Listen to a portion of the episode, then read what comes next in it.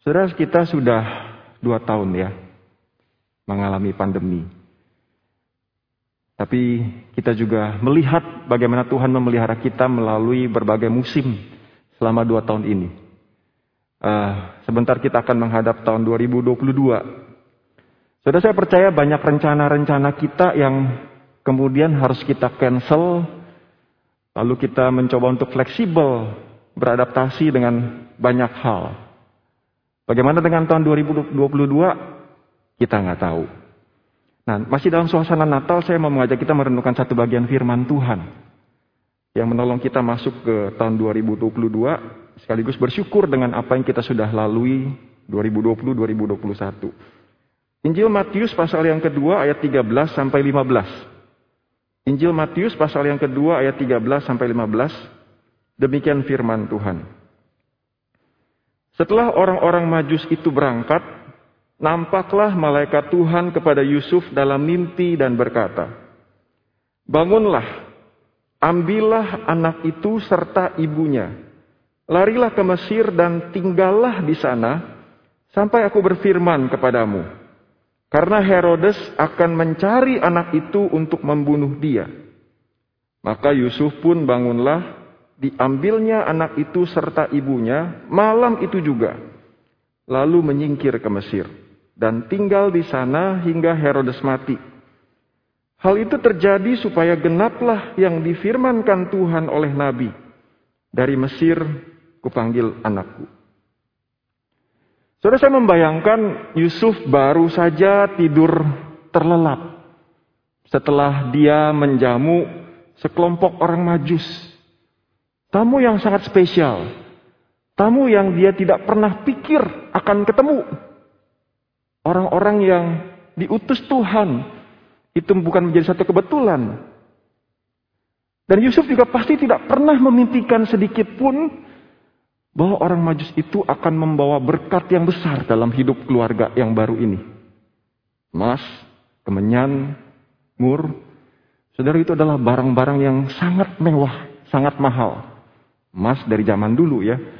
Kemenyan, mur, sama berharganya, sangat mahal nilainya. Saudara, emas kemenyan mur bisa menjadi modal bagi seorang Yusuf untuk mengembangkan usaha furniturnya sebenarnya, usaha mebelnya. Mungkinkah ini adalah jawaban doa Yusuf yang mulai kehabisan uang waktu itu karena harus pindah dari Nazaret ke Bethlehem. Apakah ini mungkin adalah jawaban dari doa-doanya? Tuhan, aku butuh modal, Tuhan. Aku sudah berusaha untuk pinjam sana, pinjam sini, untuk meneruskan usaha ini atau beralih ke usaha yang lain.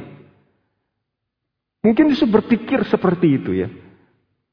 Atau kalau Yusuf ingin bersantai-santai, berleha-leha sejenak, bisa jadi ini kesempatannya. Barang-barang itu cukup untuk menghidupi dia tanpa perlu bekerja. Mengambil rehat sejenak. Setahun lebih. Tanpa perlu bersusah payah. Saudara malam itu Yusuf dapat tidur nyenyak. Dia nggak perlu lagi memikirkan bagaimana menyusun kata-kata yang tepat, kata-kata yang pas. Untuk ditujukan kepada orang yang tadinya dia sempat pikirkan, aku akan pinjam uang dari orang ini. Saudara, Tuhan mungkin mengkonfirmasi melalui kedatangan orang-orang majus yang membawa barang-barang persembahan yang mewah itu. Tapi di tengah lelap tidurnya kita membaca di dalam bagian firman Tuhan, Tuhan menyatakan petunjuknya. Bangunlah, ambillah anak itu serta ibunya, larilah ke Mesir dan tinggallah di sana sampai aku berfirman kepadamu karena Herodes akan mencari anak itu untuk membunuh dia. Saudara Yusuf pun terbangun dari tidurnya. Dan kalau saudara dan saya jadi Yusuf, kira-kira apa yang akan kita pikirkan saat itu? Saudara, kalau saudara adalah orang yang suka memikirkan arti atau makna sebuah mimpi, ini menjadi sesuatu yang sangat serius. Apalagi ini mimpi dari Tuhan. Pasti sangat serius. Yusuf pasti berusaha untuk mencerna apa ini Tuhan maksudnya. Apa iya aku harus pergi ke Mesir? Begitu aja Tuhan. Saya yakin ketika dia mulai memikirkan itu, memori-memorinya untuk setiap rencana yang dia sudah susun itu berbenturan dengan instruksi dari Tuhan. Saudara saya percaya ada dua alasan yang Yusuf bisa kemukakan kepada Tuhan, berargumentasi kepada Tuhan. Yang pertama, alasan praktis. Entah apakah Yusuf pernah berpikir untuk tinggal, dia tinggal di Bethlehem waktu itu, dekat sekali dengan Yerusalem. Dibandingkan dari Nazaret ke Yerusalem, dan Nazaret itu bukan kota yang terlalu penting. Dibanding Nazaret, Yerusalem pasti punya prospek yang jauh lebih baik bagi perkembangan usahanya. Saudara yang bisnismen tahu lebih baik dari saya. Banyak penginapan di Yerusalem. Setahun tiga kali orang-orang Israel dari seluruh dunia, para diaspora itu datang ke Yerusalem untuk beribadah kepada Tuhan, menyembah Tuhan, mempersembahkan. Hotel-hotel pasti penuh. Ini prospek. Hotel-hotel itu pasti butuh perabotan dari kayu. Kalau bukan membuat, merawat, memeliharanya kalau ada yang rusak. Tempat yang sangat strategis sekali untuk bisnisnya Yusuf. Saya lagi pula, orang-orang Romawi di Yerusalem itu punya selera yang tinggi untuk gaya hidup mereka. Harus dipikirkan. Belum lagi untung-untungan ya. Kalau Yusuf membuat miniatur-miniatur bait Allah yang bisa dijadikan souvenir baru para, bagi para diaspora yang datang melancong ke Yerusalem itu. Saudara, mungkin juga Yusuf berpikir Yerusalem akan menjadi tempat terakhirnya. Dan di Yerusalem lah dia akan membesarkan anak-anaknya. Alasan yang kedua, Alasan yang merapat ke sisi atau perspektif teologisnya. Saudara di dalam Matius 1 ayat 21, bukankah Tuhan sendiri yang telah berfirman bahwa Yesus akan menjadi penyelamat umatnya? Mesias bagi bangsa Israel. Mesias pasti keturunan raja. Sejak zaman nenek moyang Yusuf, raja-raja itu pasti tinggalnya di Yerusalem. Gak pernah ada penyelamat dibesarkan di Nazaret. Nazaret waktu itu juga sudah didominasi oleh sepasukan Romawi yang memang ditaruh di sana. Sementara Nazaret juga bukan kota yang besar, kota yang kecil, hanya ratusan, tidak lebih, tidak lebih dari 200 penduduknya. Bayangkan kalau itu didominasi oleh pasukan Romawi yang kasar, yang beringas, yang tidak peduli dengan orang lain, moralitas yang rusak, bukan tempat yang cocok untuk membesarkan anak. Lagi pula sang juru selamat itu bukankah dia harus tahu akar Yahudinya? Dan di Yerusalem ada bait Allah. Yesus harus dibesarkan untuk mengenal agama Yahudi. Harus diajar di arah yang tepat. Dekat dengan Yerusalem. Sebagai pusat agama mereka. Jadi Yusuf punya alasan yang kuat untuk tetap tinggal di Yerusalem, bukan? Dan kalau kita jadi Yusuf, wajar. Kalau kita mengajukan argumen yang sama kepada Tuhan, bukan? Tetapi Tuhan dengan jelas berikan alasannya mengapa Yusuf harus membawa anak itu dan ibunya lari ke Mesir. Karena Herodes akan membunuh anak itu. Tapi tunggu dulu Bapak Ibu. Kenapa Tuhan sampai suruh bawa Yusuf lari ke Mesir? Ada sesuatu yang janggal di sini. Saudara, bukankah Tuhan adalah Tuhan? Dia maha kuasa. Bukankah Tuhan paling tidak dapat mengutus malaikatnya terang-terangan? Seperti yang dia lakukan, mengutus malaikatnya menampakkan diri kepada Yus, kepada Yohanes, kepada Zakaria. Dan Zakaria menjadi ketakutan. Bukankah Tuhan bisa lakukan hal yang sama? Tunjukkan itu kepada Herodes. Kasih Herodes kode keras. Kalau tidak mau percaya, mungkin biarkan dia alami hal yang sama seperti Zakaria. Menjadi bisu, atau buta, atau lumpuh. Tuhan bisa lakukan itu kan?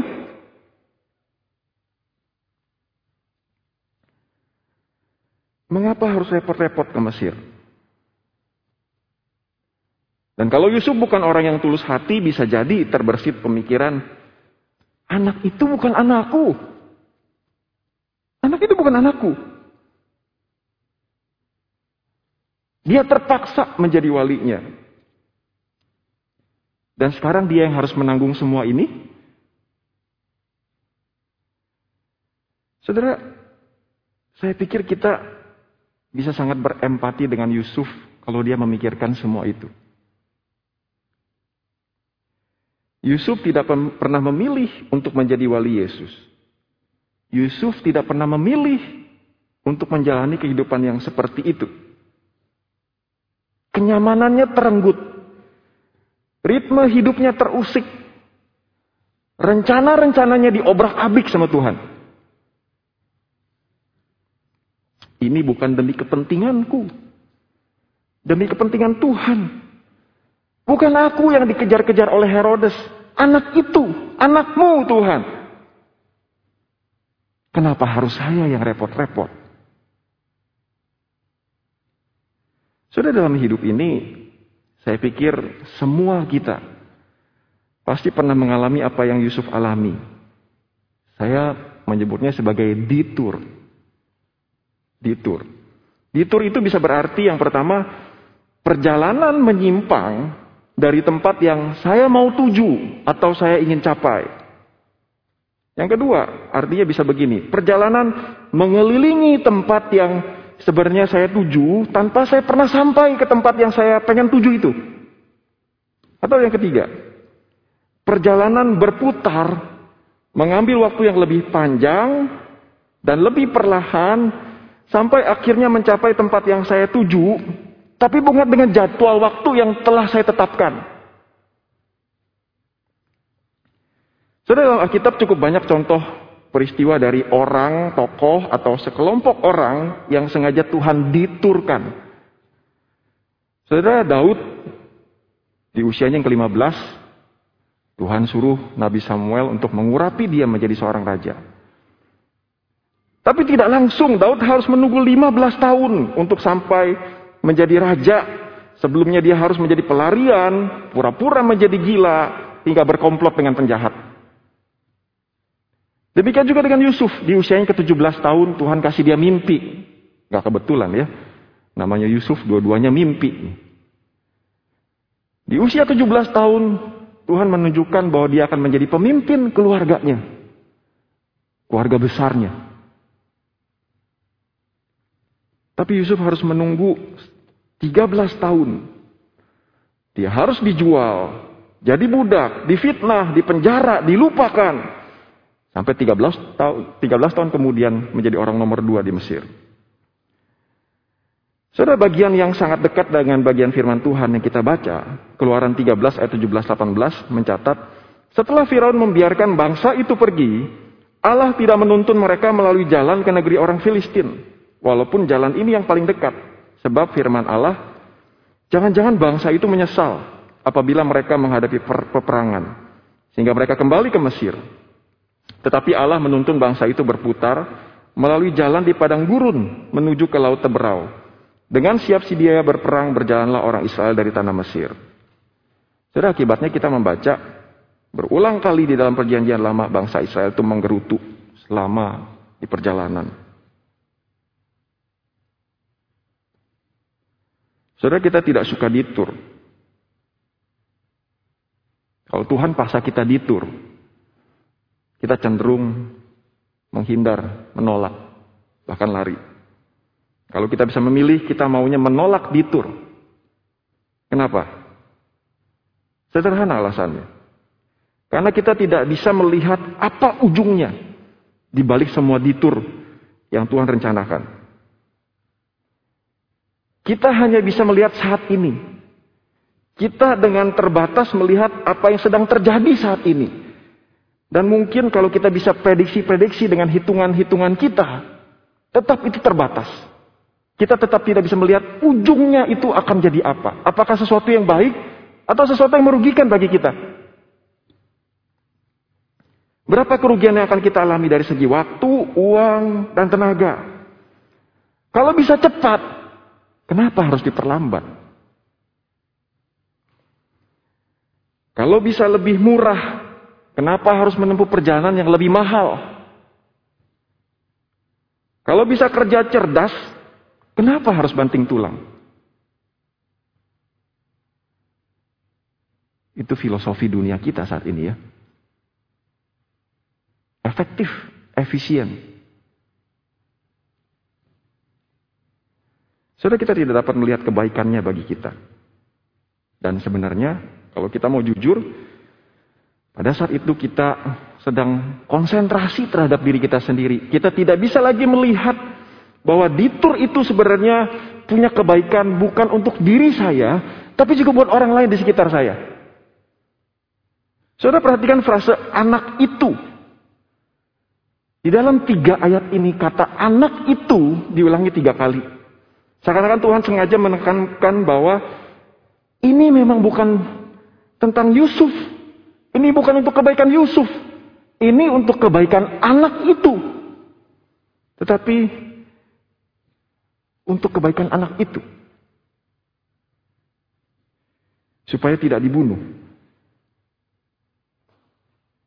Sampai di sini bukankah kita bisa berkata, saya sudah menjalani. Bukankah dua tahun ini saya mengalami banyak ditur gara-gara pandemi? Apakah masih belum cukup Tuhan? Sudah banyak rencana yang terpaksa saya harus sesuaikan. Saudara sepupu saya harus mencari alternatif pendidikan yang lain, sementara rencana kuliah ke luar negerinya ditunda. Hari ini sepupu saya yang lain akhirnya menikah setelah berbulan-bulan tanpa kepastian harus mengcancel reservasi restoran, hotel. Sahabat saya yang lain rencananya mau keliling Jawa, tapi tiba-tiba ada Omikron. Itu masih urusan kecil. Bagaimana dengan saudara yang saya tahu usahanya harus banting setir karena sudah tidak tahan bayar gaji karyawan dan terus merugi. Kita bertanya, sampai kapan Tuhan? Saya harus ditur. Kita nggak punya jawabannya. Sama seperti Yusuf tidak tahu sampai berapa lama ia harus tinggal di Mesir. Matius yang tahu. Dia yang mencatat. Tetapi Yusuf ketika dia jalani dia nggak tahu. Tuhan cuma bilang. Sampai aku berfirman lagi kepadamu. Saudara kita tahu para peneliti terus berusaha keras mencari solusi mengatasi pandemi. Tapi nggak tahu, nggak ada jaminan pandemi akan segera berakhir. Pemerintah sudah menganjurkan kita hidup berdamai dengan COVID. Kita sudah lakukan dengan prokes, walaupun dengan hati yang cemas dan berawas-awas. Tuhan izinkan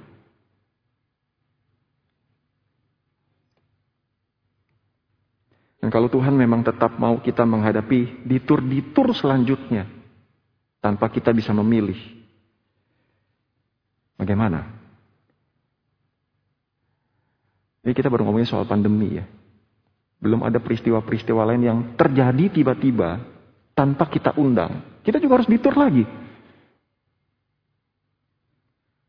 Saudara saya cenderung berpikir Yusuf saat itu juga tidak bisa melihat kok kebaikan bagi dirinya.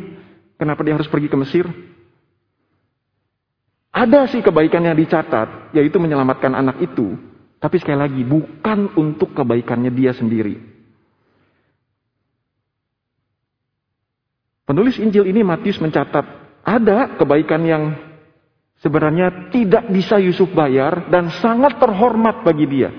Tapi sebelum sampai situ, saya mau ajak kita memikirkan tadi beberapa tokoh di dalam perjanjian lama yang mengalami ditur. Saudara bayangkan ya, Yusuf di usia 17 tahun, kalau dia tidak mengalami ditur, dia adalah seorang remaja yang sangat percaya diri. Bukan sekedar percaya diri, tapi overconfidence. Terlalu percaya diri. Dia tahu dia adalah anak kesayangan. Tapi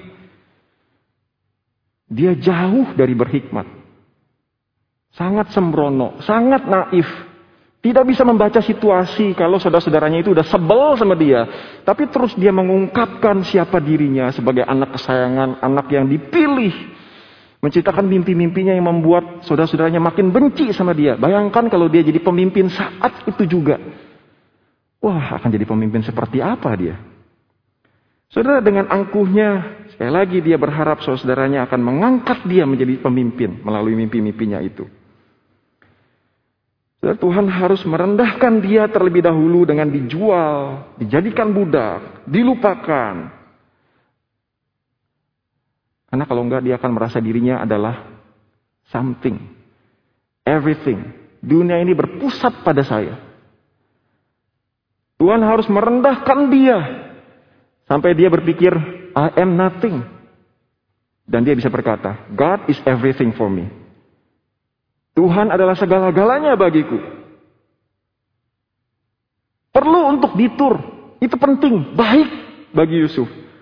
Daud harus digembleng Tuhan menjadi calon pemimpin yang tangguh melalui medan peperangan demi medan peperangan dan kemudian masuk ke dalam keluarga Saul sebagai menantunya supaya bisa lihat intrik politik yang terjadi di dalam kerajaan dan di dalam keluarga sambil memurnikan hati Daud Sampai Daud bisa dikatakan sebagai orang yang berkenan di hati Tuhan.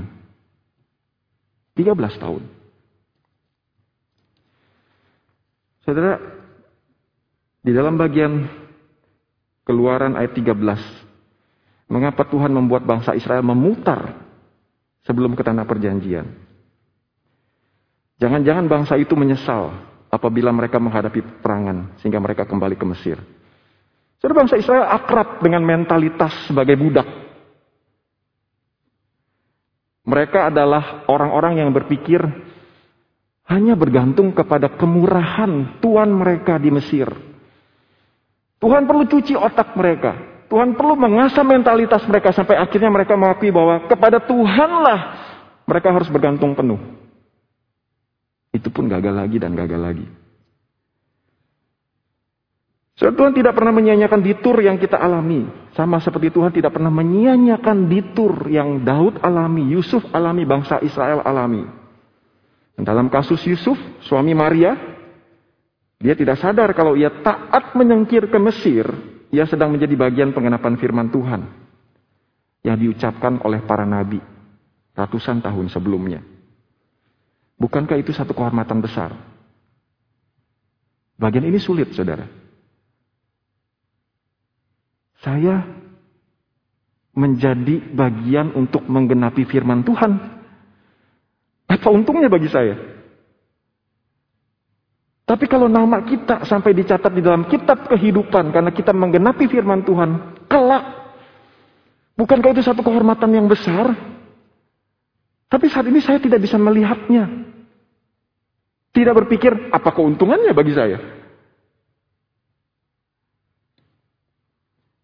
Tapi kehormatan itu tidak terbayarkan, saudara. Tidak terbayarkan.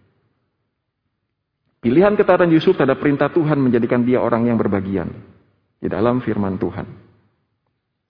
Dan bukan hanya itu.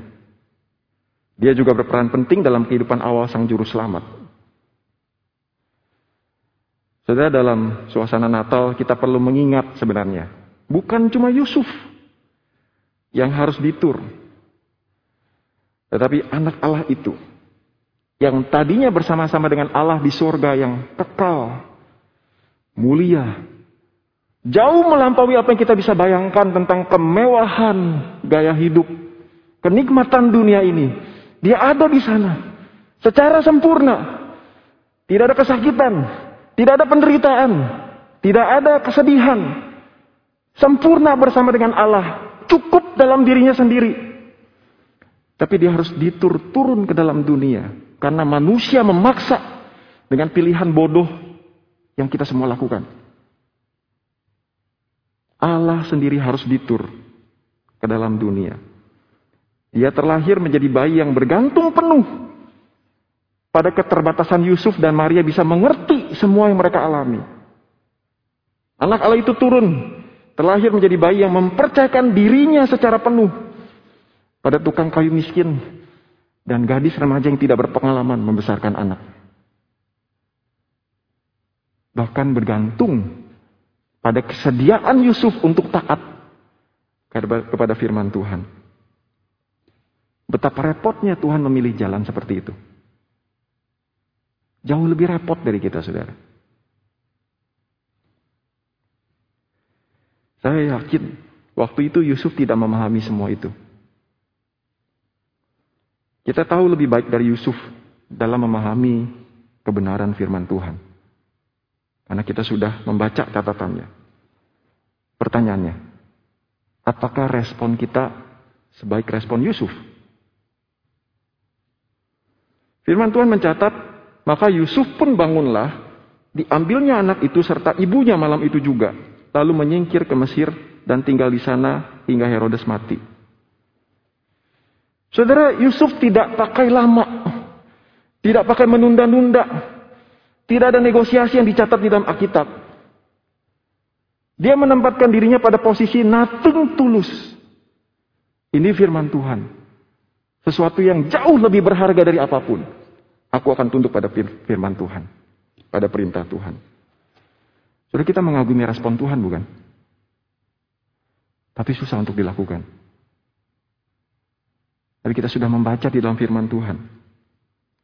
Ketika Tuhan pimpin kita ke arah yang berbeda dari apa yang sudah kita rencanakan di sini, meskipun berat, meskipun tidak masuk akal, sudah mari kita mau belajar taat. Mau belajar taat. Sebenarnya ada alasan yang sangat simpel yang semua kita sudah tahu mengapa kita harus taat kepada Tuhan. Kita sudah tahu. Kita harus taat kepada Tuhan karena Tuhan Maha tahu. Kita bisa prediksi hidup kita satu jam ke depan. Mungkin sampai satu tahun ke depan. Tuhan sudah tahu ujungnya hidup kita. Tuhan Maha tahu. Itu cukup. Dan karena Tuhan Maha tahu, maka Tuhan tidak mungkin salah. Karena dia tidak pernah salah. Sehingga dia tidak dapat salah dan tidak akan salah. Lagi pula saudara kalau kita perhatikan, Tuhan juga nggak pernah sembarangan kok memberikan perintahnya. Dia nggak asal-asalan. Yusuf sekali lagi tidak pernah memikirkan kenapa orang-orang majus ini datangnya terlambat setahun lebih setelah Yesus dilahirkan. Terlambat mereka. Seperti yang minggu lalu kita dengarkan firman Tuhan dari pendeta Jonathan. Kenapa timingnya harus itu? Harus di situ. Harus setahun terlambat. Saudara Yusuf mungkin terheran-heran dengan kedatangan orang majus itu. Tetapi tidak demikian dengan Tuhan. Tuhan sudah rencanakan penggenapan firman-Nya akan terjadi setelah orang majus datang memberikan emas, kemenyan, mur sebagai modal supaya Yusuf bisa pergi ke Mesir. Bukankah itu bentuk pemeliharaan Tuhan? Kalau kita mau jujur, dua tahun pandemi, Saudara kita sudah melewati masa-masa kita pusing. Gimana? Di mana? Cari tabung oksigen. Rumah sakit penuh. Ya. Ada orang-orang kita kasihi meninggalkan kita lebih dahulu. Tapi kalau kita bisa ada sebagaimana kita ada hari ini. Marilah kita bersama-sama mengatakan seperti Paulus mengatakan. Itu semua adalah kasih karunia Tuhan. Bukti Tuhan memelihara hidup kita. Dan selama Tuhan masih kita kasih masih kasih kita otak dan otot, itu adalah modal yang kita bisa gunakan menjalani hidup kita. Saudara, saya percaya pemeliharaan Tuhan bagi kita nyata. Memasuki tahun 2022, ada kemungkinan besar kita tetap harus masih ditur ke Mesir Tapi marilah kita jalani dengan penuh keyakinan bahwa Tuhan tidak pernah salah, tidak bisa salah, tidak akan salah. Pertanyaannya bagi kita bukan apa rencana saya di tahun 2022, tetapi apa rencana Tuhan bagi saya di tahun 2022. Tuhan menolong kita. Mari kita berdoa.